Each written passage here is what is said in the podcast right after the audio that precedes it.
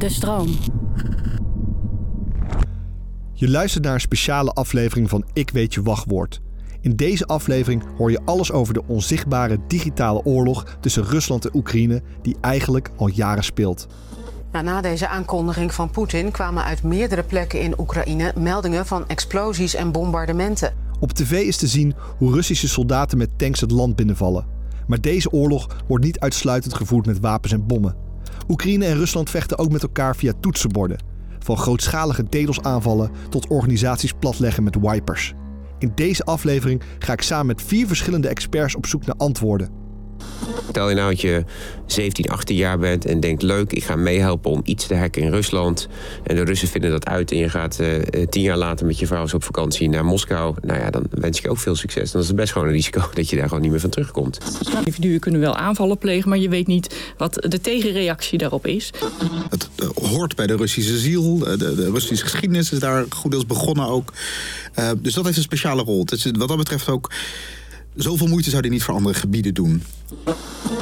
Want hoe ziet Poetins cyberoorlog eruit? Wat betekent dit voor de rest van de wereld? En wat kan en mag Nederland doen om te helpen en om onszelf te beschermen?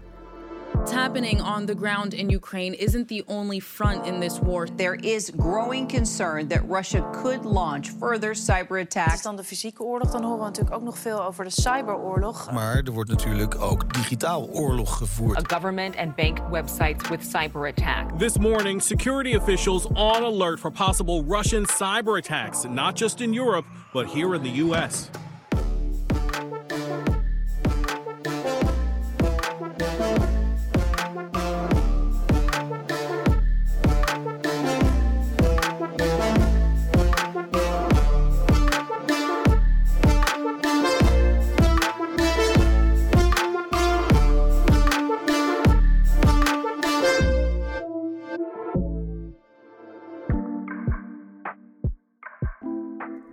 Vier experts met wie ik op zoek ga naar antwoorden zijn Noortje Hendricks. Zij is teamleider van het Nationaal Cybersecurity Centrum.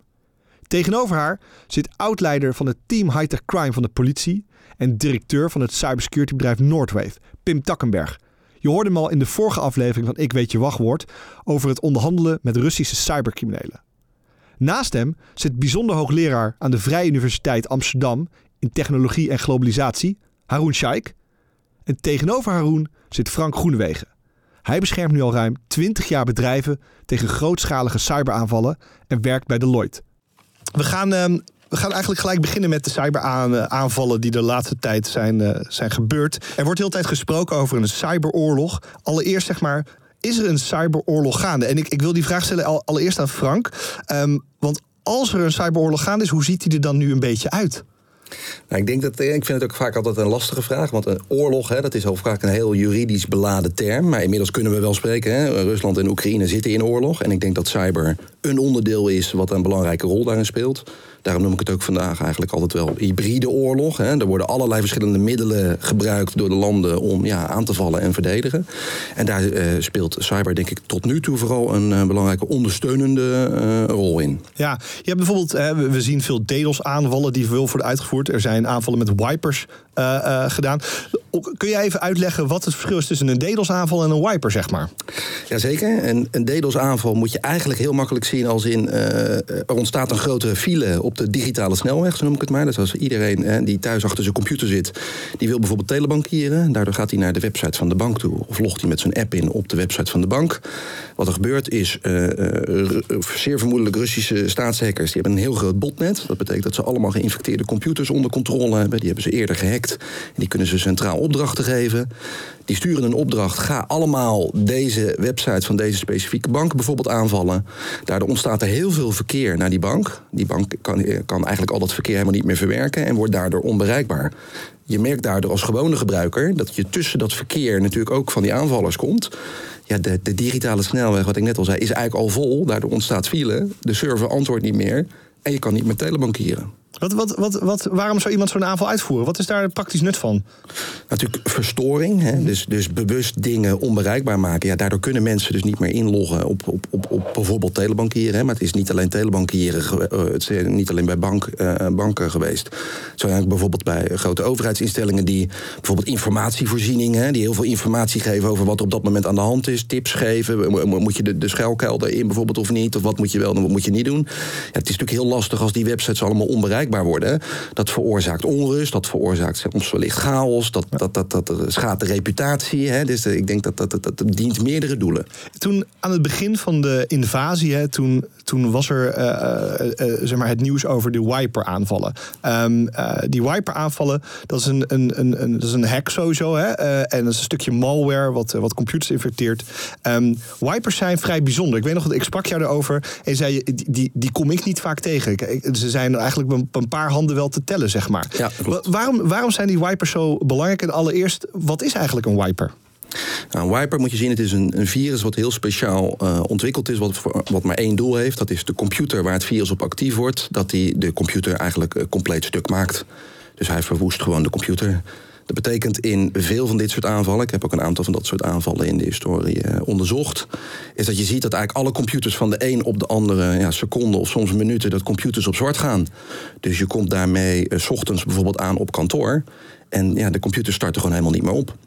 En servers starten niet meer op, computers starten niet meer op. Dus ja, complete organisaties die ja, vandaag de dag eigenlijk allemaal computerbedrijven zijn geworden, hè, zijn afhankelijk van die computers om te kunnen werken. Ja, niks doet het meer. En dat kan je dus ook bijna niet meer herstellen.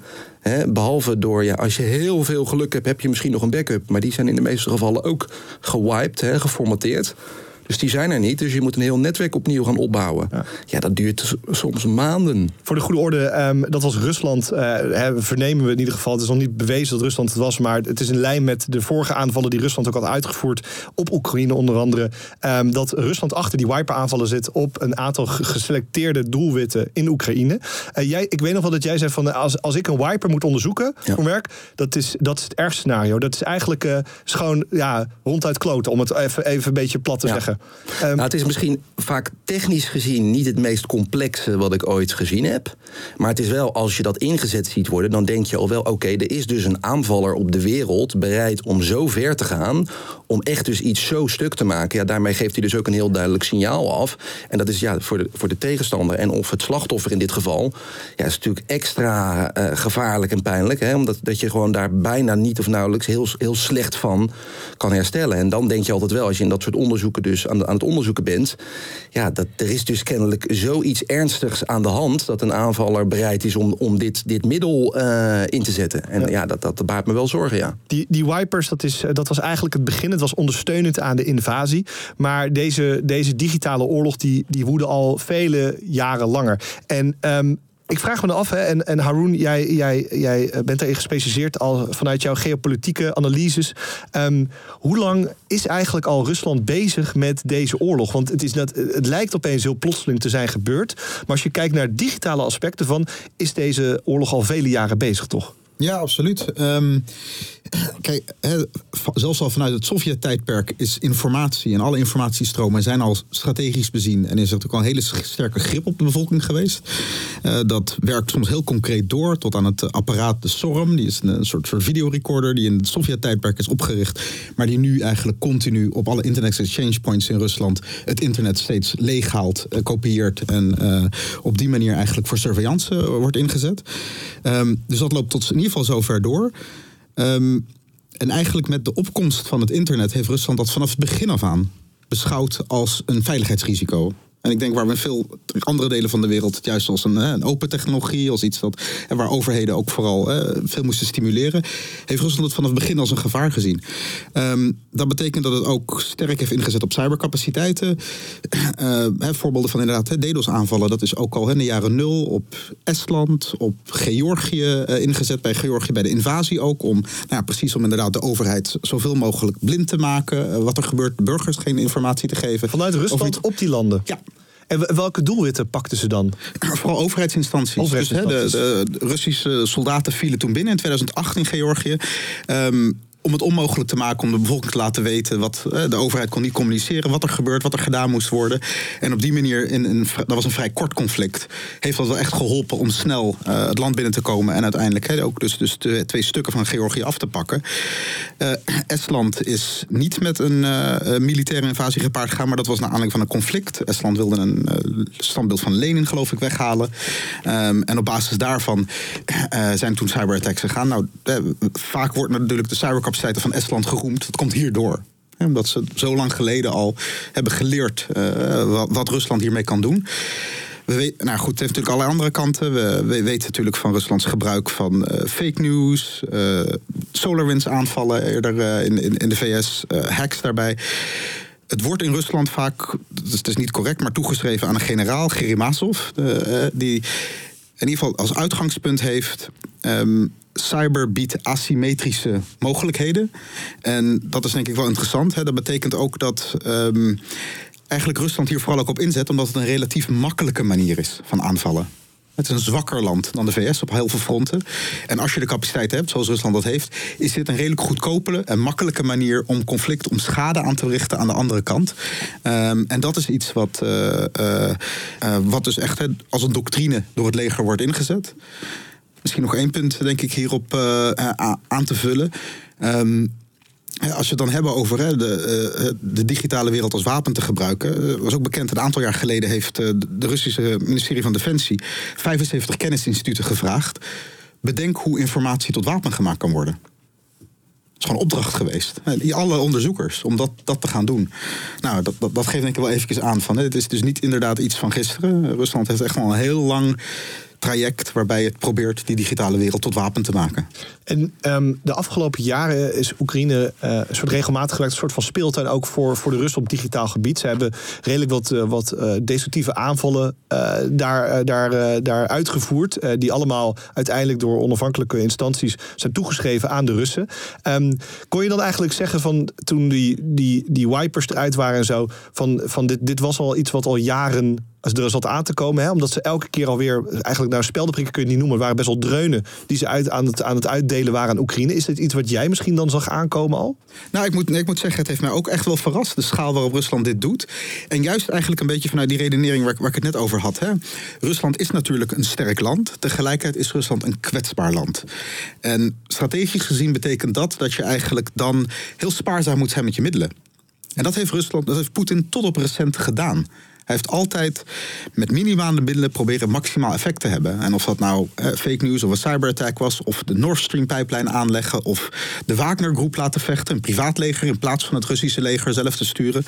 Um, dat past bij een land dat eigenlijk kwetsbaar is en dat nooit al haar middelen op één plek moet concentreren. Um, wat nu gebeurt is dat Rusland eigenlijk iets vrij klassieks doet. Veel minder die slimme, uh, uh, effectieve kleine middelen gebruikend. Maar dat volle leger op inzetten. Dat verbaast mij eerlijk gezegd ook. Ik bedoel, dit, dit, dit kan Rusland niet lang volhouden. En voor een kwetsbaar land, dat als het alle middelen klaar op één plek zet, gaat de rest gaat ook in beweging komen. En nou, we hebben gezien gisteren, Georgië zegt dat van nou, in, in de ruimte die er nu is, doen we even een aanvraag voor EU-lidmaatschap. Finland en Zweden zijn aan het kijken of ze na NAVO-lidmaatschap discussie weer plaatsvindt.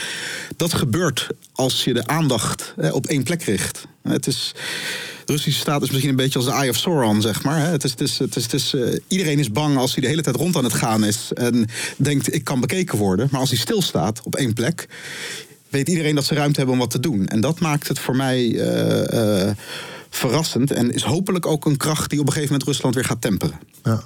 Die, die aanvallen hè, die worden nu uit, uitgevoerd. Uh, ze gaan van Oekraïne naar Rusland, uh, logischerwijs. Maar in het begin al jarenlang van Rusland naar Oekraïne. En Pim, mijn, mijn vraag dan is, dan, dan zie ik die aanvallen en zo. En er wordt vaak gewezen naar de Russen, hè, even, even op, op die manier. Wie zijn dat dan? Zijn dat, zijn dat staatshackers? Zijn dat criminele organisaties? Is het een combinatie ervan? Ja, je hebt verschillende groepen die zich hiermee bezighouden. Uh, aan de ene kant heb je natuurlijk vanuit de overheid geregisseerde aanvallen. Uh, de FSB, de SFR, de verschillende inlichtingendiensten hebben grote digitale apparaten. die ook heel goed in staat zijn om dit soort aanvallen uit te voeren. Die worden overigens over het algemeen juist veel meer ingezet om um, dat wat meer uh, onzichtbaar te doen en niet heel zichtbaar te doen. Maar wat je ook ziet is dat um, heel veel hele goede hackers, professionele hackers vanuit Rusland komen. Dat gaat al jaren jaren terug, 2000 en verder. En dat komt ook omdat daar veel goed hoogopgeleide jonge jongens zijn met weinig toekomstperspectief en die in dit domein zich langzamerhand hebben ontwikkeld. en die hebben zich ook ontwikkeld van nou, het aanvallen van banken of klanten van banken tot langzamerhand in de hoek van allerlei botnet-infrastructuren tot en met uiteindelijk ook nu ransomware aanvallen. En daar zie je wel wat opmerkelijke dingen. En dat is namelijk dat die grote gijzelsoftware aanvallen die we heel veel zien de laatste tijd, die heel veel in het nieuws zijn, die hebben bijna allemaal hun oorsprong wel in Rusland. De kern van de mensen die dat uitvoeren of die die software ontwikkelen, die komen uit die hoek. En dat wordt ook al jarenlang gedoogd door de Russische overheid. En daar zit een gedachte achter. Eh, en dat is namelijk, ehm, als je niet Russische targets aanvalt, maar in het Westen dat doet, dan laten we jou met rust. Eh, want het komt ons eigenlijk ook wel gewoon goed uit dat in Amerika of in andere landen ja, een stukje destabilisatie plaatsvindt. Omdat je nou, veel financiële schade toebrengt aan organisaties. En daar zie je recentelijk over iets opmerkelijks.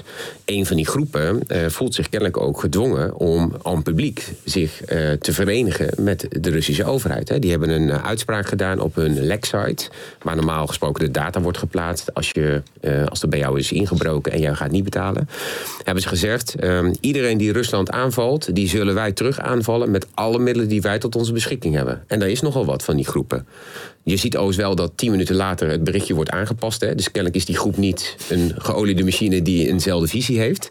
Dus toen werd gezegd: als u een Russische burger aanvalt, zullen we u terug aanvallen met alles wat we hebben.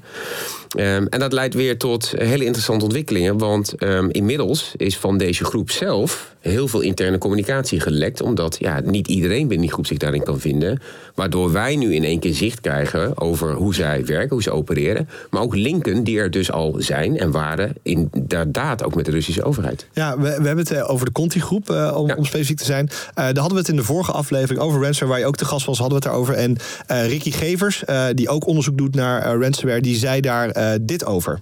Conti wil ook nog wel eens hele vreemde emotionele uitspattingen hebben. Dus dan zeggen ze ineens. Uh, was bijvoorbeeld tijdens de pandemie, de coronapandemie. Uh, toen werd er in ransomware land afgesproken een beetje dat ze ziekenhuizen niet zouden aanvallen. En Conti zegt, oh dat gaan wij wel doen. Uh, dus die zijn tegendraads. Ze schatten zichzelf duidelijk veel te hoog in. En ja, hoogmoed komt voor de val. Dus ik denk dat Conti wel op korte termijn veel problemen zal gaan ondervinden ik zie niet zo snel criminele organisatie Nederland uh, een kant kiezen, bijvoorbeeld voor Rutte of Baudet of zo, zeg maar. Um, waarom doet zo'n Russische, nou ja, criminele groepering dat? Ja, we weten natuurlijk niet helemaal zeker, maar een hele logische verklaring is, is als jij jarenlang de ruimte hebt gekregen vanuit de Russische overheid om met je criminele activiteiten geld te verdienen en je geen strobeet in de weg wordt gelegd en je ook niet wordt aangehouden of niet wordt vervolgd, dat jij je nu verplicht voelt, of misschien zelfs al bijna de opdracht krijgt, als die relaties wat sterker zijn, om je wel nu aan te sluiten bij wat Rusland aan het doen is. En ik denk dat dat is wat nu gebeurt. Um, ik, ik vind trouwens, eh, Ricky heeft echt wel voorspellende gaven gehad, want het is ook gewoon waar. Um, Conti heeft meerdere keren al momenten gehad dat er wat informatie gelekt is. Een handboek is ooit eens gelekt geweest. Afgelopen jaar is hun chatwebsite gehackt geweest waar ze dingen hebben moeten doen. Um, ja, en, het is ook denk ik uh, vanuit het criminele perspectief gezien niet heel slim om te doen. Want um, alle organisaties die iets in Rusland doen op dit moment kiezen ervoor om daar bijvoorbeeld uit weg te gaan. Grote bedrijven ook. Er zijn allerlei hele zware sancties. Ja, dat gaat natuurlijk ook gewoon betekenen dat een, uh, als jij nu geraakt wordt door een Conti-groep, dat de vraag is of überhaupt iemand nog een betaling wil gaan doen naar die Conti-groep, omdat het één op één zo geleerd is aan de Russische overheid dat niemand zijn vingers daar wil branden. Dus hun verdienmodel droogt in dat opzicht ook volledig op. Zij, uh, um, ze zijn gehackt, hè, eigenlijk een beetje. De allemaal uh, data's op straat komen liggen van deze beruchte Heel veel chats, echt heel veel. Ik heb er een beetje ook doorheen lopen scrollen. En met mijn beperkte Russische, nou dat heb ik helemaal niet, maar ik heb Google Translate, heb ik daar een beetje chocola van kunnen maken. Het, het, het, is heel veel ditjes en datjes. Gewoon een beetje praten over simpele dingen, over iemands oma en iemand feliciteren met zijn verjaardag en zo. Eigenlijk heel gezellig soms wel. maar je krijgt ook een uniek inkijkje in hoe zo'n ransomware groep eigenlijk werkt. Wat was voor jou het meest interessante of het meest bijzondere waar, waar je eigenlijk achter kwam na het lezen van die chats? Ja, ik, ik denk uiteindelijk toch wel, ehm, ook wel de stukken eh, informatie die erin zit, die bevestigen dat er wel degelijk een link is met die Russische overheid. En daar hadden we allemaal natuurlijk wel wat gedachten over, maar het feit dat die er toch wel vrij nadrukkelijk lijkt te zijn en dat het nu ook zo bevestigd wordt, want ja, hoe kom je daar normaal gesproken eigenlijk achter? Ja, dat was voor mij wel een inzicht. Ik denk, ja, potverdikkie, het is gewoon wel gewoon waar. En dat maakt ook wel dat je beter begrijpt waarom dat zo lang uh, zo rendabel heeft kunnen bestaan. Wat, wat, was die link die jij toen zag tussen de Russische overheid en deze criminele ja. Uh, uh, ja, cyberbende eigenlijk? Wat was daar waarvan jij dacht van, ah, zie je, ze werken toch samen? Nou fragmenten waarin ze daar zelf aan refereren. Ehm, soms een beetje versluit, iets over kleuren rood roepen en soms ook wel wat directer dat ze dingen benoemen. Maar bijvoorbeeld ook de interesse die ze hebben gehad voor iemand van Bellingcat, waar ze wat informatie over hadden, waar dan wel extra veel interesse voor is. Dus er zijn allemaal van die snippets. En, we kunnen er nog niet helemaal chocola van maken hoor. Dus dat kost echt nog wel meer tijd. Maar wel fragmenten die gewoon wel een duidelijke link veronderstellen. Ja. De Bellingcat-hack was een van de, van de, de duidelijkste links die ik ook zag. Dat was Bellingcat, een uh, onderzoekscollectief van journalisten die uh, eigenlijk veel misstanden, ook in oorlogstijden, uh, aan, aankaarten. Vooral veel Russische misstanden, logischerwijs. En um, ik, ik weet nog wel dat deze Conti was, had die, die mailbox eigenlijk van, die, van deze persoon gehackt. En toen zei ze eigenlijk van nou bewaar maar, want dat is handig voor onze contacten eigenlijk, om dat weer door te spelen en zo. Um, ik zit dan te denken van nou, wie zou er in nou naast de Russische geheime diensten geïnteresseerd daarin zijn, in zo'n mail, in zo'n mailbox? Eigenlijk niemand, toch? Nee, scherpe analyse. Ja, toch? Ja, ja, dus, ja dus dat, daardoor is het ook vrij logisch. Daarom zeg ik al, het is niet een smoking gun, maar het kan haast niet anders eh, dan dat dat eh, een relatie heeft. En dat past ook wel in lijn met wat we in een breder perspectief ook wel zien. Hè? Wat andere grote jongens die geleerd zijn aan ransomware groepen, maar ook wel breder. Ja, die hebben ook relaties met de Russische overheid. Die worden ook een beetje uit, uit het zicht gehouden. Bogachev, Jakubets, er zitten directe relaties in. Dus. Als ik daarop mag reageren, Pim. Ik heb in het verleden ook gezien dat uh, andere groepen die heel erg actief waren, uh, waar we later achter waren gekomen dat het Russische criminelen waren, bijvoorbeeld Bogachev destijds met zijn groep. Die criminelen die hacken natuurlijk eigenlijk maar voor één doel, dat is financieel gewin. Dus hè, met ransomware gooien ze voornamelijk bedrijven plat, zodat bedrijven gedwongen worden om zelf hè, bitcoins te kopen en heel veel geld over te maken. Wat, we, wat ik toen gezien had, is dat ze eigenlijk voordat ze toesloegen, dat was alleen maar bij bepaalde targets, dat ze eigenlijk ook ineens op zoek gingen naar hele specifieke militaire sleutelwoorden. Is dat eigenlijk voordat ze overgingen op het versleutelen van die, van die bedrijven, gingen ze op zoek op bepaalde uh, fileservers, hè, waar heel veel bestanden staan, naar hele specifieke documenten. En ik denk dat dat goed aansluit met wat jij al eerder uh, nu net zegt, met wat jij vraagt, Daniel. Is dat je eigenlijk dan onmiddellijk jezelf de vraag stelt: hè, maar wat is het verdienmodel achter het specifiek op zoek gaan naar die informatie? En hè, dat is wel lastig te bewijzen, maar allemaal dit soort kleine puzzelstukjes hè, in die chats van Conti die nu ook gelekt zijn staat ook heel duidelijk dat ze op zoek zijn naar informatie van Navalny. Hè, de, de, de, de, de oppositiepersoon die natuurlijk nu op dit moment in, in, in een strafkamp is. Ja, dat, dat zijn allemaal van die informatiedingen dat als je puur op zoek bent naar, naar vrij snel en eenvoudig financieel gewin... Ja, dan leg je gewoon die bedrijven plat, vraag je losgeld en punt.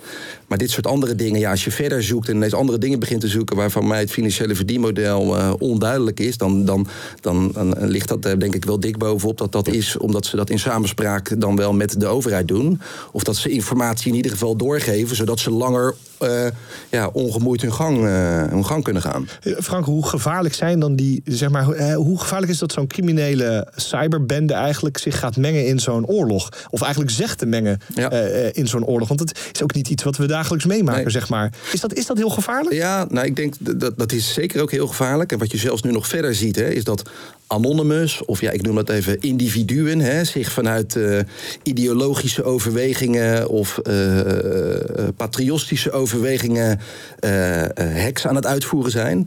Maar je moet je wel inbeelden dat op dit moment, als, als iets lastig is op het internet, is het toch wel erachter zien te komen wie daadwerkelijk een aanval uitvoert. En wat we dus net al zeiden, van een crimineel die misschien samenwerkt met de inlichtingendienst of die in opdracht van een inlichtingendienst werkt.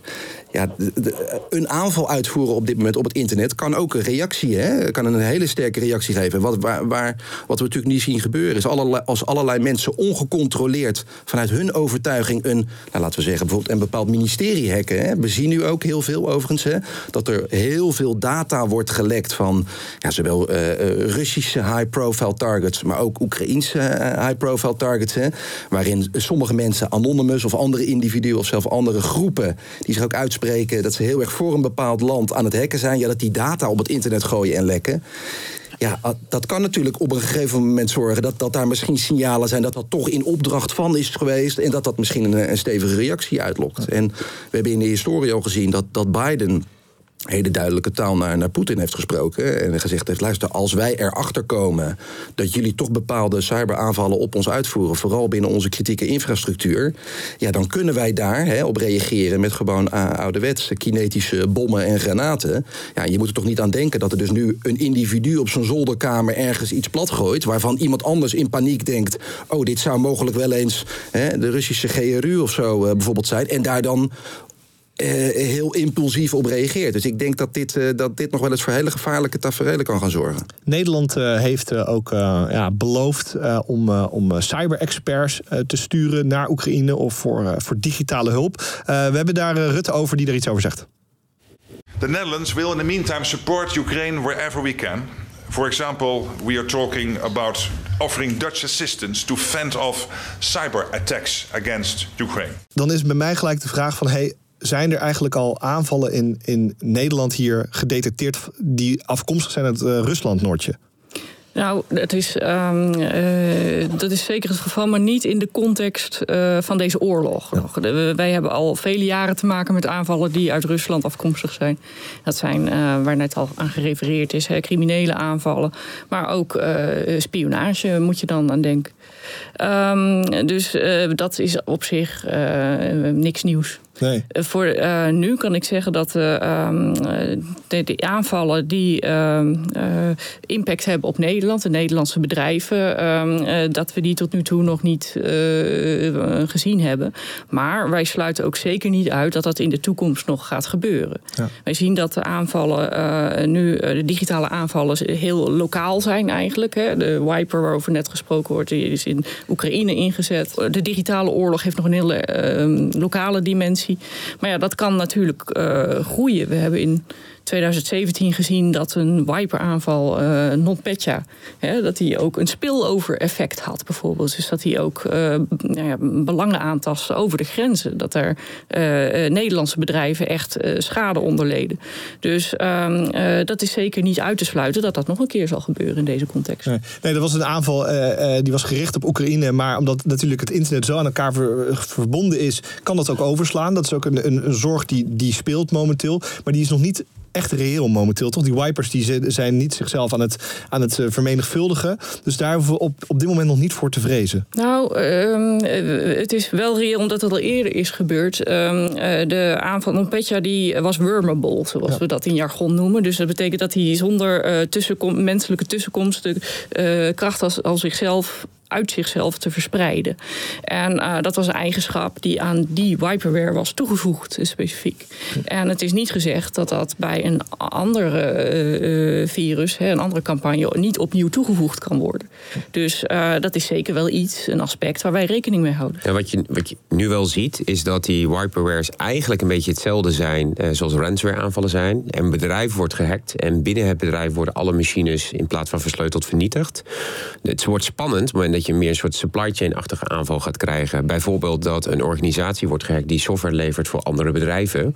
En dat daar een soort van achterdeurtje in komt. En dat alle bedrijven die die software gebruiken ja. in één keer een potentieel target zijn. Ja, dan is de, de impact bijna niet te overzien. Dat, ja. dat is natuurlijk wel een beetje worst case scenario. Wij, wij zijn wel vaak als Nederlands land, uh, uh, maakt onze infrastructuur wel onderdeel uit van aanvallen. Hè? En dat is ook wat we recent gezien hebben, is heel veel van die hele grote DDoS aanvallen, waar uh, klaarblijkelijk de Amerikaanse opsporingsinstanties wel heel snel met attributie kwamen en zeiden dat de Amerikaanse inlicht, sorry, de Russische inlichtingendienst, de GRU, daarvoor verantwoordelijk was. Ja, die aanval, dat verliep via het Mirai botnet. Hè? En die C2-server, die Command and Control server die stond hè, in een kleiner datacenter in Wormer. En dat laat dus wel weer zien, ondanks dat aanvallen niet direct op ons gericht zijn, dat ze vaak wel via ons land lopen. Uh, de aanval op de uh, DNC hè, in Amerika, Democratic National Committee. Die liep klaarblijkelijk ook via een server uh, in Nederland. En dat komt omdat wij natuurlijk vooral hele goede goedkope infrastructuur hebben. eh, die eh, gretig gebruikt wordt door de, niet alleen criminelen, maar ook dus door inlichtingendiensten om hun aanvallen via uit te voeren. Recent kwam in het nieuws dat eh, de MIVD een, eh, een aantal eh, ja, aanvallen van Russische hackers heeft onderschept. Staatshackers zeiden zij op Nederlandse routers. Dat waren van consumenten, kleinbedrijven en mensen in mijn omgeving die zeiden toen van joh. Nu, nu komt het echt dichtbij. Ze waren een beetje bang aan het worden. De, de, de, de oorlog, hè, die digitale oorlog, die gaat nu ook in Nederland plaatsvinden. Is die angst eigenlijk gegrond, Noortje? Wel, ehm, eh, niet in de context van deze oorlog noodzakelijk. Eh, want ehm, eh, we hebben al eerder gezien dat verschillende criminelen hè, routers hacken. ook om, om, om onderdeel te laten worden van botnets. Dus, ehm, en het is heel, heel moeilijk om dan de relatie met dit conflict te leggen. Eh, nou ja, om, juist omdat het vanuit Rusland komt. Ehm, eh, deze acties eh, zijn op zich niet nieuw. Ehm, en ehm, ja, ik, het, uiteraard, is het zorgelijk, maar ik eh, zou niet één op één die relatie met deze oorlog willen leggen hiermee. Nee, dat zei ook eh, Defensie, zei het eigenlijk ook al zo tussen neus en lippen door. Dit is niet per se gelieerd aan de oorlog. Ehm, maar ze hebben wel een, een, een, een ehm, nou eigenlijk willen ze een statement uitgeven om te zeggen, kan, kijk, dit, dit gebeurt hier. Haroon, is dat, is dat een goed statement dat de, de MIVD nu eigenlijk zegt van kijk eens hier jongens wat er allemaal gebeurt. Omdat veel Nederlanders misschien toch nog een beetje in besef leven dat Rusland misschien helemaal niet zo'n hele erge agressor is op dit gebied. Ja, ik, denk dat het zeker eh, iets is om meer en meer rekening mee te houden. Hè? Dat, ehm, ik denk dat mensen toch ook wel, juist ook wel angstig voor zijn. Dus het is ook goed dat we dat over zeggen. Hè? Dat, dat, dat, eh, eh, dat besef groeit. We hebben er nog niet zoveel van gezien, maar ja, het valt natuurlijk niet uit te sluiten. Ik bedoel, Poetins situatie is gewoon heel moeilijk. En wat ik eerder zei, dat dat militaire offensief waar hij op ingezet heeft en hoopte dat het snel zou gaan, dat loopt niet. Dat loopt niet goed, niet goed genoeg. Ehm, ik denk dat hij daar nog heftigere dingen op gaat doen de komende tijd. Ehm, maar het verkennen van die andere sporen, ja, dat is denk ik goed in ieder geval om, om, om daar bewust van te zijn. Ja. Ik denk om daar even op aan te vullen. Het is ook wel heel goed om mensen bewust te maken om hun weerbaarheid te verhogen hierdoor. Eh, zoals ik net al zei, dit soort aanvallen is op zich niet nieuw. Ehm, maar eh, mensen eh, moeten zich hierdoor te- tegen kunnen verdedigen door de noodzakelijke basismaatregelen te nemen. hè. Ze moeten die updates installeren op tijd. En eh, ze moeten een zekere basishygiëne eh, op cybergebied eh, ehm, eh, implementeren. En dat is ehm, heel goed voor mensen om eh, hierop opnieuw geattendeerd te worden. Ja, dan, dan rijst bij mij gelijk de vraag van. eh, en ik denk dat jij er als geen ander eh, de kijk op hebt van hoe, hoe veilig zijn we, hoe weerbaar zijn we momenteel. We zijn namelijk een ontzettend belangrijk land als het gaat op digitaal gebied. Maar zijn we ook zo sterk? Wel, ehm, wij zien wel vaak dat ehm, eh, aanvallers nog steeds ehm, binnen kunnen komen doordat echt eh, nou ja, door laaghangend fruit, eh, zullen we maar zeggen. Dus dat zij binnenkomen door aanvallen te plegen die eigenlijk helemaal niet zo moeilijk waren. Dus die eigenlijk makkelijk afgeslagen hadden kunnen worden als de bepaalde maatregelen die je normaal zou doen, hè, backups maken op tijd en het, het updaten, het patchen van je installaties, als die getroffen zijn. Dus dat vind ik wel eh, zorgelijk. Eh, ik zou ook zeggen van nou implementeer in ieder geval minimaal die basismaatregelen, dan sta je vele malen sterker. Ja. En eh, dan, dan, wat zou er gebeuren nou als we daadwerkelijk onder dat digitale vuur komen te liggen? Want ehm, eh, ik denk nog steeds, het is een ver van mijn bedshow ergens. Maar ik heb me elke keer er helemaal op verkeken. En wa- wa- wat, wat als de, de shit hits the fan, zeg maar? Wat, wat moeten we dan doen? Nou, eh, er zijn verschillende aanvallen waar je rekening mee moet houden in zo'n geval. Hè? Dus je hebt heel veel dimensies ervan. Je hebt eh, spionageaanvallen, waar je als gewone burger eigenlijk niet eh, heel veel mee te maken hebt. Maar je hebt ook DDoS-aanvallen, hè? echt die sabotageaanvallen zoals DDoS en wipers. maar ook aanvallen eh, die gebruik maken van het internet. Dus desinformatie, daar hoef je niet per se voor te hacken, maar eh, daar kun je ook onder vuur komen te liggen. Maar ja, bijvoorbeeld spionageaanval, hè, dat zijn meer de eh, ministeries die zich daartegen moeten wapenen dan gewone burgers, die eh, zich waarschijnlijk wat meer ehm, eh, nou ja, met de beveiliging van hun thuiscomputers en nou ja, uit moeten kijken voor desinformatie en dergelijke. We, ze- we zeiden het net al over NotPetya, van die, die, die grenzen op in de digitale wereld, die zijn er niet zo heel erg. En ik, vraag me af, Frank, joh, als er dan zo'n aanval gebeurt in, in Oekraïne, hoe groot is die kans dat die, dat die makkelijk opnieuw weer naar Nederland komt, naar andere landen. Zoals we een aantal jaar geleden toen ook zagen met NotPetya. Ja. Nou, ik denk, daar maak je ook de juiste verwijzing. Hè. Ik denk dat het soms ook helemaal niet bewust is gebeurd... Hè, dat aanvallen naar andere landen overslaan. Maar dat je ziet, dat was met NotPetya ook. NotPetya was een, een virus wat uh, verspreid werd via een, een Oekraïns grote eh, boekhoudsoftwarepakket. Dus eigenlijk elk bedrijf wat in de Oekraïne gevestigd was en wat zaken deed, had waar zeer waarschijnlijk maakte gebruik van dit softwarepakket. En daar kwam die NotPetya, dat virus op naar binnen. En dat virus ging zich automatisch verspreiden over het netwerk. Maar ook heel veel internationale, grote, gerenommeerde bedrijven hebben natuurlijk ook kantoren in de Oekraïne. En waren dus uh, verbonden, hè, dat noemen wij gaan hebben directe verbindingen, VPN-verbindingen, ook met hun vestigingen in de Oekraïne.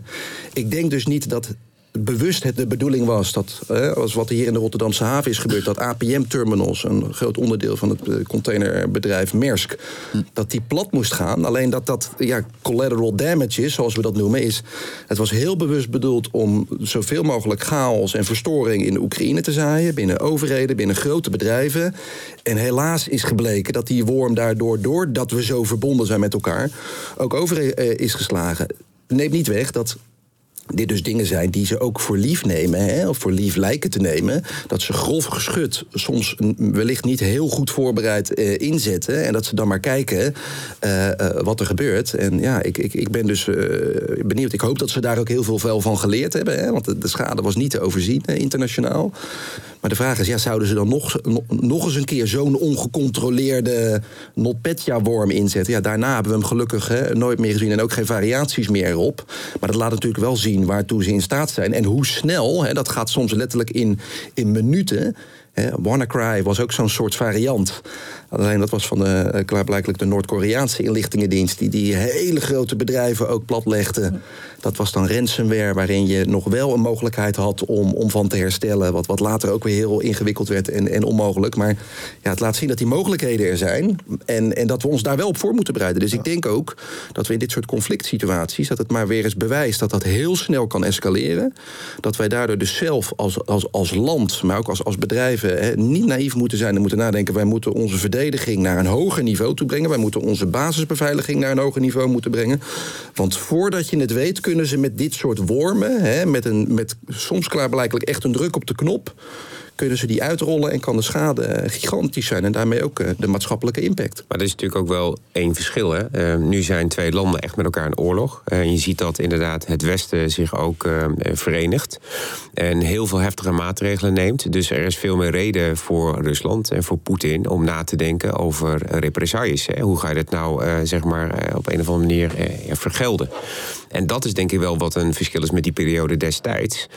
Uh, waarvan niemand eigenlijk heel goed durft te voorspellen hoe die reactie gaat zijn, hè, wat de intentie is. Maar daarna is denk ik ook interessant te kijken wat is nou de potentie. Met andere woorden, van hoe goed zijn ze dan uiteindelijk ook in staat om dan waar te maken wat ze voor ogen hebben. En dat is denk ik echt een heel lastig dingetje op dit moment om goed uh, te bedenken. Wat mij enigszins geruststelt, is dat ik denk uh, dat uh, bijvoorbeeld Nederland dan niet het enige land is, maar dat er dan nog wel 30, 40, 50 andere landen en bedrijven en instanties zijn. Dus er is nog wel heel veel om je op te vergelden. Hè. Dus dat nou ja, misschien ook wel een beetje in perspectief plaatsen. Maar dat maakt wel dat het anders is, waardoor het ook. Uh, en we hebben dit ook gewoon nog nooit eerder in de wereld op die manier meegemaakt. Dus we moeten ook soort van maar gaan ervaren wat er gebeurt. En tegelijkertijd is het wel waar. Verdedigen tegen digitale aanvallen is altijd hetzelfde geweest. En de context kan veranderen, hè, of de intentie kan veranderen. Maar wat je moet doen om beter beveiligd te zijn, is nog steeds hetzelfde. Hè, wat Noord zegt. Backups op orde, bewaking inregelen, zorgen dat je patcht, meerstapsverificatie. Ja, dan is er zoveel minder aan de hand al. Ja. Noortje, wat nou als we daadwerkelijk echt een doelwit worden van die cyberaanvallen vanuit Rusland? Wat, wat dan? Uh, dat verschilt heel erg wie er doelwit wordt en uh, met welk soort aanval. Ja. Uh, wij, Laat zeggen op vitale infrastructuur. Gewoon de dingen die, die zowel de overheid als wij als burgers gewoon volledig raken. Uh, ja, dan moeten er uh, maatregelen genomen worden in het kader van incident response. Dan worden er uh, bedrijven ingezet, maar ook overheidsinstanties die die schade zo snel mogelijk moeten repareren om die vitale instanties weer functioneel te krijgen. Zijn, worden daar testen voor gedaan nu? Zijn dat dingen, of, of ik mag hopen dat het al langer gebeurt, maar is dat iets wat we nu aan het dryrunnen zijn om ons voor te bereiden hierop? Wel, dat gebeurt eigenlijk continu, onafhankelijk van de oorlog.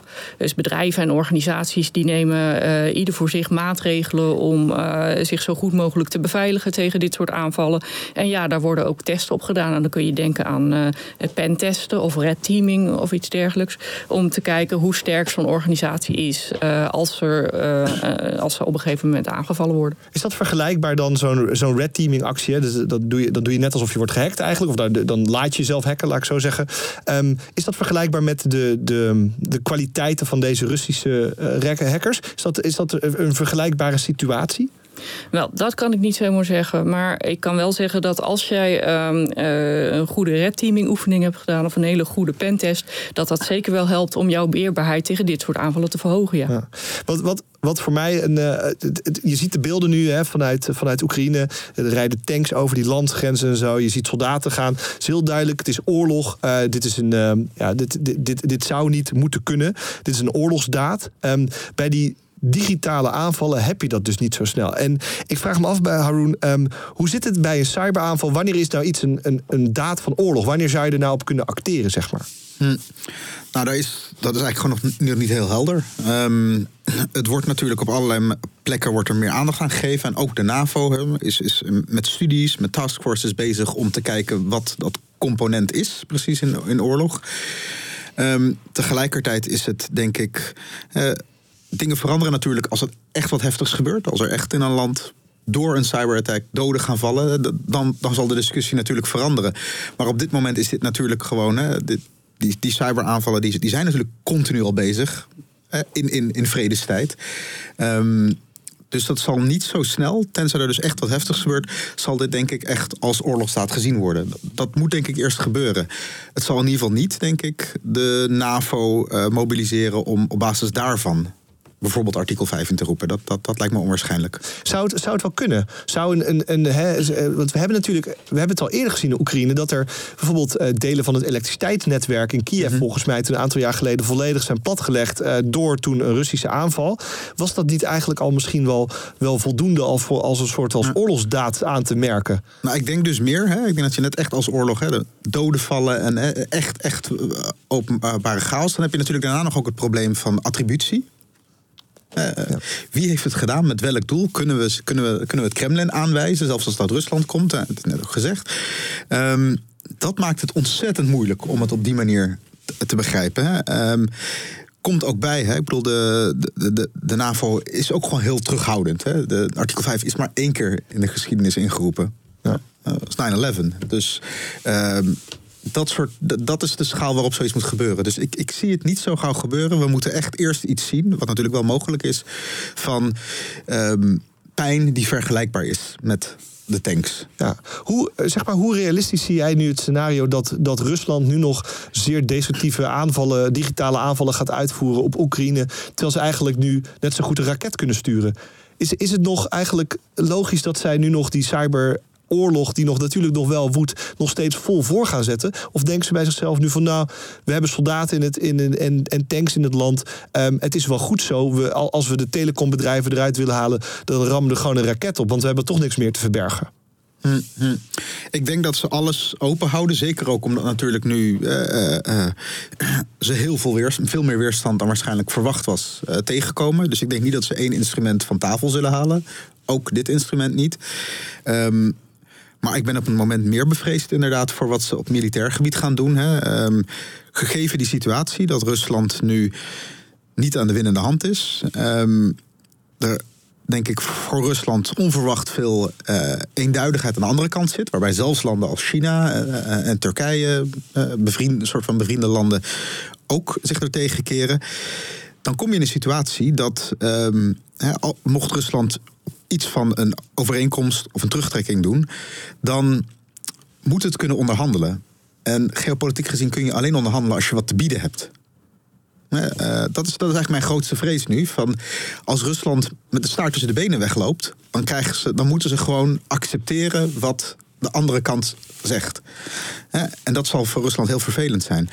Um, dus ik denk dat Poetin eerder echt nog wat heftige dingen gaat doen om te zeggen van als we dit soort wapens, we kunnen dit soort wapens nog meer gaan gebruiken. Eh, Het dreigement met bijvoorbeeld hè, Kiev om daar een, een, een heftigere variant van Sarajevo van te maken.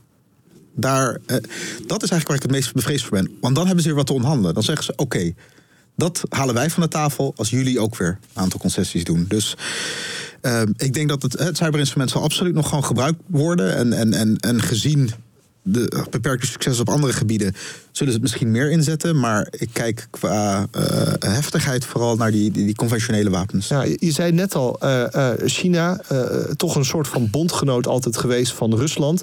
Ehm, ik weet nog wel toen de, de invasie begon, toen dacht ik van shit, als die twee hun, eh, hun digitale krachten gaan bundelen. China is ook een grootmacht op, op, op digitaal gebied. Dan staat ons wel wat te wachten in het, in het Westen. Maar je zegt eigenlijk van dat, dat China eh, Rusland voor een deel heeft laten vallen, toch? Hoe kan dat dan? Nou, laten vallen is, denk ik, is, is wat te sterk. Ehm, Rusland en China hebben, worden naar elkaar toegetrokken omdat ze beide sterke landen zijn die als grootste uitdaging hebben de Amerikaanse wereldorde. Dat brengt ze bij elkaar, daardoor zullen ze nooit elkaar laten vallen. Want zij zijn de enige anderen met wie ze, van wie ze hulp hebben tegenover de sterkere, het sterkere Amerika. Dat brengt ze bij elkaar. Dat gezegd hebbende zijn het landen die ontzettend veel onderlinge spanningen hebben. Ehm, het is nooit vriendschap geweest, ook omdat ze juist omdat ze sterke landen zijn die in elkaar grenzen, hebben ze bijvoorbeeld een enorme competitie om invloed in Centraal-Azië. Eh, Rusland beschouwt Kazachstan, Oezbekistan als de achtertuin. China heeft ze eigenlijk economisch al helemaal naar haar toe getrokken. Ehm, veel Chinezen vinden dat een deel van het Russische grondgebied onderdeel van China zou moeten zijn. Dat hebben de Russen in de 19e eeuw veroverd. Ehm, en zelfs tijdens de Koude Oorlog, toen ze de twee communistische grootmachten waren, had Rusland op bepaalde momenten meer soldaten aan de Chinese grens dan in Europa. Dit, is, dit, is, dit is de realiteit. Dit zijn twee landen die vanuit een verstandshuwelijk samenwerken, maar niet onderling heel veel frictie hebben. En daar komt dan denk ik bij. ehm, beide kijken ook anders naar de wereld. Rusland is een sterk land, maar een land dat er niet per se beter op voor komt te staan in de toekomst. Eh, Het, het, het, het moet daarom soms de risicovolle gokken maken. Dat is de enige manier om, om iets te winnen, zoals wat er nu gebeurt. China's situatie is totaal anders. Het heeft een grote economie die groeiende is, die nog door zal groeien. China hoopt met tijd de grootste economie van de wereld te worden en ooit een soort van leiderschapsrol te krijgen. Dat betekent dat China's toekomst veel rooskleuriger is. Dan is het, als, als dat de situatie is, dan ben je eigenlijk veel minder gebaat bij hoog spel te spelen, een risico. En dat zien ze natuurlijk nu gebeuren met Rusland. Dat je in één keer gewoon de hele wereld tegen je krijgt. En je hele opkomst misschien eh, onderuit getrokken wordt. Dat is de calculatie die China nu maakt. Als we Rusland blijven steunen op deze manier. En we komen ook in die paria-hoek terecht. Dan worden wij straks ook eh, eh, worden we al verhinderd. Dan krijgen wij ook niet meer de mogelijkheid om ons high-tech te ontwikkelen. Omdat de handel wordt tegengegaan. Gaat heel het Westen zich tegen. De Europese Unie is een ontzettend belangrijke handelspartner voor, voor China. Dat wil het niet riskeren. Dus het zal Rusland niet laten vallen. Rusland moet bestaan als tegenkracht voor Amerika. Maar het zal wel proberen, en dat, dat is denk ik de kans die ze nu willen grijpen, een medierende rol te spelen. Omdat China niet wil dat, eh, zoals Rusland nu, dat er dit soort grote risico's worden genomen. We hebben net over Nederland gehad en wat zijn de dreigingen voor, voor Nederland eh, die er mogelijk gaan spelen. Maar eh, veel mensen voelen zich ook een soort van eh, verbonden aan Oekraïne, willen iets doen, willen zelf iets doen, zowel voor Nederland als voor Oekraïne. En de vraag is dan, wat, wat, wat kunnen we en wat mogen we eigenlijk? Pim, je hebt een, je hebt, je hebt een, geschiedenis bij de po- politie, dus jij weet redelijk goed wat wel en niet mag. Ehm, mag ik, mag ik het Oekraïne gaan helpen, het digitale leger, om wat banken in Rusland plat te leggen? Nee. Nee. nee. En ik, het is ook heel onverstandig om dit soort dingen te doen. Ik snap dat het eh, verleidelijk is. Eh, ook binnen mijn bedrijf denken mensen wel eens van... potverdikkie, ik zou wel willen helpen. Want wat gebeurt er nu allemaal?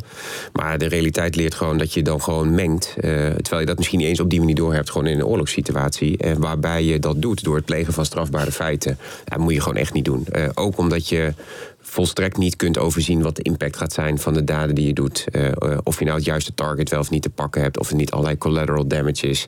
Dus dat moet je gewoon niet doen. Als je wat wil doen, zorg dan dat je eh, helpt door misschien geld in te zamelen, slaapzakken in te zamelen. Dat is volgens mij wat je kunt doen. Maar je moet je niet gaan mengen in dit conflict. Het is wel bijzonder dat je het zegt, want de, de minister van Digitale Zaken van Oekraïne roept eigenlijk de Oekraïnse bevolking op van joh, steun ons met dat digitale leger. Iedereen die technische kennis heeft. Dat is ook een beetje overgenomen door de westerse wereld. Er zit nu in een Telegram groep waar hij een soort van leider uh, in is. Er zitten er honderdduizend mensen die op zijn commando eigenlijk uh, aanvallen uitvoeren op, op banken, crypto-exchanges. De beurs van de Moskou ligt al dagen plat en zo.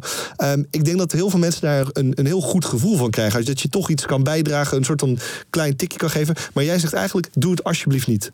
Nee, nou kijk, is natuurlijk, um, als je in Oekraïne woont, dan kan ik me voor de situatie nog anders is. Want dan ben je gewoon als land in oorlog. Dus dan kan ik me ook voorstellen, dat zie je nu ook gebeuren. Dat fysiek uh, Oekraïnse burgers ook gewoon in opstand komen en helpen.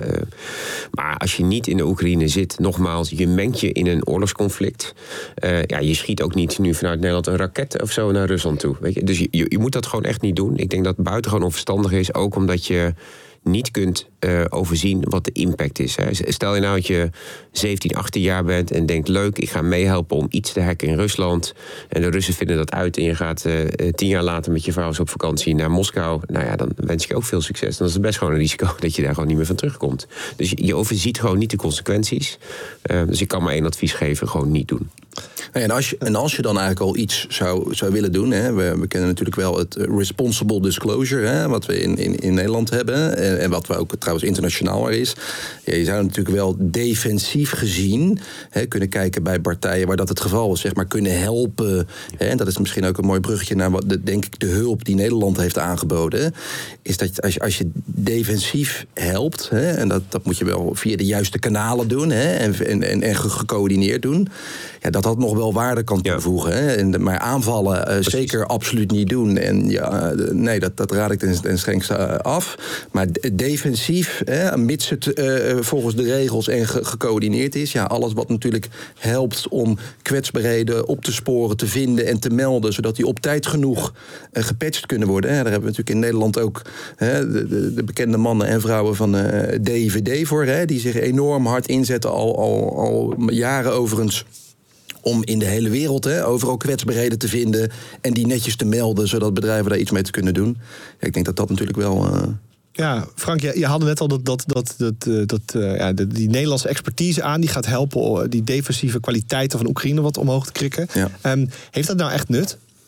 Nou, ik denk zeker. Hè. Ik denk dat, het, dat er drie belangrijke aspecten dat, dat daarin zitten. Is ten eerste kan je gewoon uh, expertise leveren. En expertise en ervaring en kennis leveren. En dat kan ook een, ik noem dat meer een soort liaison zijn. Dus ook een vooruitgeschoven post die daar hoort wat er gebeurt. Hè. Uh, daar, daar gebeurt denk ik van alles. Ook heel veel denk ik wat we namelijk nog niet allemaal horen of weten. Nou, hoe eerder die informatie bij die personen komt, hoe eerder wij daar als land natuurlijk ook gebruik van kunnen maken. Daar ons ook extra tegen kunnen beschermen. Hoe eerder we ook, hè, wij hebben ook heel veel inlichtingen en enorm goede inlichtingen-experts. Hoe eerder we naslagen kunnen doen in die database met kennen we dit of niet. En ze tips en tricks kunnen geven, dat is één. Twee, we zouden dus natuurlijk ook defensief, hè, wat ik net al het voorbeeld uh, kunnen geven, dat je gecoördineerd de overheid daar helpt om op grotere schaal uh, kritieke infrastructuur of andere partijen te helpen. Hè, om, de, ik noem het even de digitale verhoogde dijkbewaking. Derde is, ja, als partijen of ministeries getroffen worden daar hè, door, door een grote hack, door zo'n cyberaanval, ja, dan zouden ze ook ja, uh, mee kunnen helpen met onderzoek doen. Alleen, ja, ik acht dat wat onwaarschijnlijk. En waarom? Ja, dan krijg je vaak ook toegang tot zeer gevoelige informatie. En dan ja, spelen natuurlijk wel gewoon ook politiek, denk ik gezien, uh, wordt het gelijk een beetje, een beetje lastig. Omdat ja, dan ga je uh, experts van andere landen toegang geven tot gevoelige netwerken, wellicht gevoelige informatie. En ik, ik denk dat dat het meest onwaarschijnlijk is, maar dat zou nog kunnen. Ja. Ik denk dat, dat, dat heel veel mensen voelen dat ze iets graag willen doen voor Oekraïne. Um, Noortje, is er iets wat, wat bijvoorbeeld het Nationaal Cybersecurity Centrum of de overheid naast de, deze, deze technische hulp, al die wordt, die wordt ge, ge, gestuurd, eigenlijk nog kan doen voor Oekraïne? Kunnen wij nog misschien met partners hun kennisniveau verhogen, eh, kennis of informatie delen? Is daar, wordt daar ook al iets aan gedaan? Wel, het ministerie van Defensie zal uiteindelijk ondersteuning bieden aan, aan uh, Oekraïne en, en zal uh, daarvoor advies geven.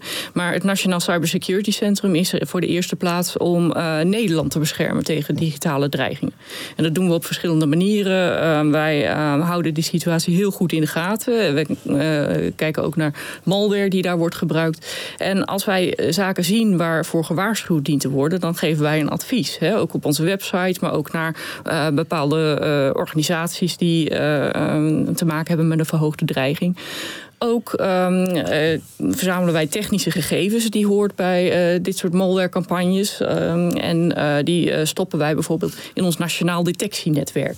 Uh, zodat uh, uh, er nationaal op dit soort malafide verkeer gescand kan worden en dat op tijd tegen kan, tegengehouden kan worden. Is dat, dat soort informatie, kan het ook worden gedeeld bijvoorbeeld met, een, met bijvoorbeeld Oekraïne? Om, zeg maar, is, dat, is, Ja. dat, is dat iets wat ook wordt dat gedaan? Kan, dat kan. eh, en, maar dat ligt er ook wel aan hoe gevoelig die informatie Ja. is. Als je bijvoorbeeld informatie uit een hele eh, eh, vertrouwde bron hebt gekregen, dan, eh, dan zijn er ook grenzen aan hoe ver je die informatie kan verspreiden. Hackers richten nu momenteel hun, hun pijlen eh, op Rusland. Het zijn vaak een beetje activistische hackers vanuit het Westen vaak. Uh, Pim, jij zei net al van, de, de- dat moet je eigenlijk niet doen. Je moet je daar niet mee gaan bemoeien of zo.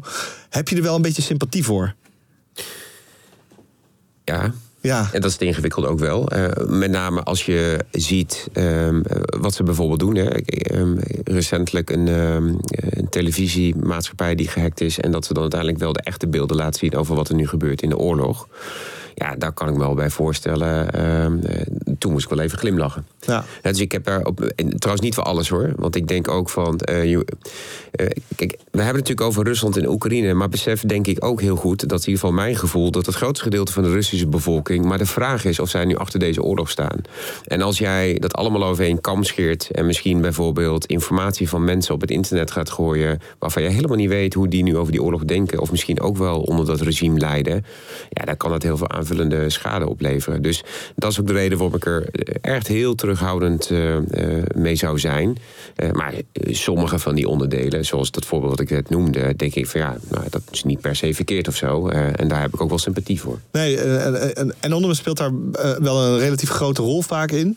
Ehm, is Anonymous nou, eh, eh, is dat nou een beetje een serieus speler? Is het meer een grapje? Ehm, is, zijn ze heel goed de media-aandacht genereren? Ja, de vraag is, wat is Anonymous? Ehm, ja, iedereen die eh, hetzelfde maskertje voordoet en hetzelfde deuntje aanzet... die zegt die Anonymous is. eh, ja, het is, het is niks. En het is wel wat. Hè. Het is vooral goed gebrand, eh, zonder dat er eigenlijk inhoud achter zit. Greetings, citizens of the world. This is a message to Vladimir Putin from Anonymous. Members of Anonymous have declared cyber war against your aggressive regime, with numerous government websites being taken offline in the past several days. Ehm, dus ik, ik neem dat in dat opzicht niet zo heel serieus. Eh, het zijn gewoon individuen eh, die acties uitvoeren die soms impact kunnen hebben. Maar je kunt je er heel makkelijk achter scharen en zeggen dat je erbij hoort. Ehm, ja, ik, voor mij stelt het eerlijk gezegd dat opzicht niet zoveel voor. In de afgelopen jaren hebben we ook wel heel veel gezien dat eh, Anonymous, juist omdat het ook weer niks is of een collectief is, dat ook eh, klaarblijkelijk andere landen, hè, ook de Russen bijvoorbeeld, maar ook andere landen, eh, bepaalde aanvallen uitvoeren en daarna dan op Twitter of op social media dat claimen in de naam van Anonymous, maar waar later dan bijvoorbeeld de Amerikanen en de Engelsen samen weer met allerlei informatie komen en zeggen dat ze bewijs hebben. Als ik het me goed weet te herinneren, was het een aanval destijds op TV Monde in Frankrijk, waarin die hele tv-zender eh, eh, offline werd gehaald en een tijdje op zwart ging. Volgens mij eiste Anonymous die aanval op en later bleek dat dat ook toch weer een aanvallende operatie was geweest van de, de, de GRU. Dus voor, we, moeten ook heel voorzichtig zijn. De Russische geheime dienst. Ja, in alle aanvallen die nu uitgevoerd wordt, dat soms het ook wel makkelijk is hè, om bepaalde om, om, om een hack uit te voeren, om informatie te stelen en die online te gooien. Om dat dan onder het, ja, het collectief of onder de noemer Anonymous online te gooien. Maar het is altijd nog maar de vraag of dat daadwerkelijk iemand, een individu op een kamer was of een groepje met ideologische overwegingen. Of dat wellicht een ander land dat wel een mooi medium vindt hè, of een mooi kanaal vindt om eh, eh, bepaalde dingen naar buiten eh, mee te brengen. En juist dat aspect maakt het zo onvoorspelbaar als eh, individuen zich in zo'n oorlog gaan mengen natuurlijk. En dat eh, kan ook de dreiging naar Nederland eh, verhogen. Want je eh, kan wel vanuit Nederland, hè, eh, individuen kunnen wel aanvallen plegen, maar je weet niet wat de tegenreactie daarop is.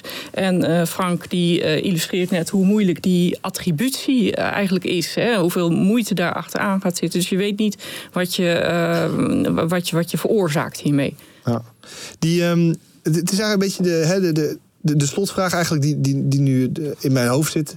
Is van hoe, hoe gaat het nu verder? En, en, en, en misschien, wel, misschien wel iets te ver denken van wie gaat er winnen, deze cyberoorlog, zeg maar. Wat, wat, wat, kan- durf jij een beetje verder te kijken, Noortje? Wat gaat er nu gebeuren? Hoe gaat die, die cyberoorlog van Poetin nu verder? Wel, Ik kan uh, niet voor Poetin spreken natuurlijk. Maar wat ik wel zie is als deze oorlog uh, verder uh, internationaal escaleert. Dus als andere landen zich actief in de oorlog gaan mengen. Als het conflict groter wordt.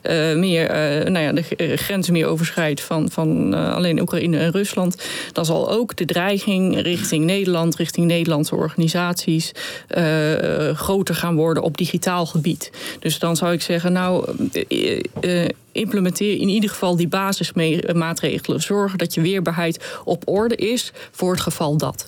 Ja, voorbereiden. Ja. Voorbereiden. Frank, wie, wie denk jij, wie gaat er winnen? Ja, de cyberoorlog in dit geval. Dan. Ja, ik, ik vind het lastig, hè, want dat blijft speculeren. Maar wat ik, ik hou mijn hart wel vast. Hè, voor een, een kat in het nauw maakt rare sprongen. Dus hoe meer druk er gezet wordt hè, op, op een land als Rusland en hoe meer we de sancties opvoeren, dat, dat, dat kan voor rare tegenreacties zorgen. We hebben gewoon in de historie wel gezien dat ze uh, extreem veel kennis hebben en capaciteit om uh, aanvallen uit te voeren. Gelukkig zien we daar nog weinig van, dus daarmee hou ik wel mijn hart vast. En daardoor denk ik ook dat het heel belangrijk is dat, wat je net al aangeeft, is dat we, we moeten ons, ons voorbereiden. Er zijn helaas nog te veel bedrijven die niet voorbereid zijn. En als die hè, een aanval krijgen, plat gaan en daardoor langer plat liggen dan dat, dat, dat zij moeten. En een belangrijk onderdeel daarvan is, en dat zien we nu vind ik nog steeds wel te langzaam vaak op gang komen, is informatie delen. Hè? Hoe sneller we iets zien, ook al is het nu in de Oekraïne, hoe eerder we die informatie hebben, delen met elkaar, daarvan leren en daar weer op ons, uiteindelijk daar weer op ons kunnen voorbereiden. Ja, hoe, hoe, hoe, hoe minder makkelijk het denk ik is om uh, verrast te worden. Ja. Haroon, die. Uh Denk je dat uh, Poetin stopt bij Oekraïne? Stel voor, uh, het lukt hem om het land over te nemen, wat natuurlijk al verschrikkelijk is. Denk je dat hij daarbij stopt? Ja, is heel moeilijk te zeggen. Hè? Ik bedoel, er, um, het is duidelijk, Oekraïne heeft een speciale plek. Uh, vergeleken met al, alle andere gebieden. Het is zeker ook in al zijn speeches duidelijk. Het, is, het hoort bij de Russische ziel. De, de, Russische geschiedenis is daar goed deels begonnen ook. Dus dat heeft een speciale rol. Wat dat betreft ook zoveel moeite zou hij niet voor andere gebieden doen. Um, maar goed, hè, er zijn, de, de, de vraag is, wat is dan het, het, het, beeld dat hij eh, wil, uh, of, de, of, de, wereld die hij wil creëren. Sommige verhalen gaan naar hè, een soort van oud Russische Rijk van de 19e eeuw terug. Dan heb je mogelijk risico's voor de Baltische Staten en gebieden daaromheen. Maar goed, hè, NAVO daar. Er zit ontzettend veel onzekerheid in. En um, wat het moeilijke is um, in deze situatie. Op een bepaalde manier is het denk ik ook gewoon nog niet besloten. Ik denk een van de redenen, en dat is trouwens ook van de reden waarom het zo moeilijk ging in de, met die Russische inval, is dat doelbewust uh, aan de Russische kant beslissingen helemaal tot het laatste moment worden uitgesteld. Want zodra je de beslissing deelt, is er een mogelijk lek. Pim, jij, uh, jij stuurt een groot team van hackers aan ook. Um, moet je ze in bedwang houden dat ze niet toch een soort anonymous gaan doen? Nou, gelukkig niet hoor. Ze zijn goed opgevoed en uh, ze snappen vrij goed waar de grens ligt. Dus daar ben ik wel heel blij om. Dus, uh, Jeuk je handen zelf? Nou, niet op die manier. Omdat net, uh, zeg maar wat ik net vertel, geldt natuurlijk voor mij natuurlijk net zo goed. ik besef misschien nog wel beter dan anderen wat de impact kan zijn als je gewoon maar wat gaat doen. Ja, dat moet je gewoon niet doen. Het is ingewikkeld genoeg. En, en ik denk als je nadenkt over van de oorlog, wie, heeft het nou, uh, wie trekt er aan het langste eind? Nou, oorlog heeft per definitie alleen maar verliezers, ook in digitaal gebied. Ik ben in die zin vrij optimistisch. Ik denk dat we in Nederland uh, dingen uh, in algemene zin vrij goed hebben geregeld. Zeker bij onze kritieke infrastructuur. we zijn slim, we zijn krachtig, zijn sterk, we zijn weerbaar. Er is ook nog veel te winnen. Als de pijlen ook op Nederland of Nederlandse bedrijven worden gericht, gaat dat zeker serieus veel schade opleveren. En tegelijkertijd op wereldtoneel, andere westerse landen die zich verenigen, zijn ze zoveel malen sterker dan Rusland. Dat uiteindelijk ik me daar dan ook wel weer rustig bij voel. Uh, maar goed, laten we hopen dat het daar niet komt.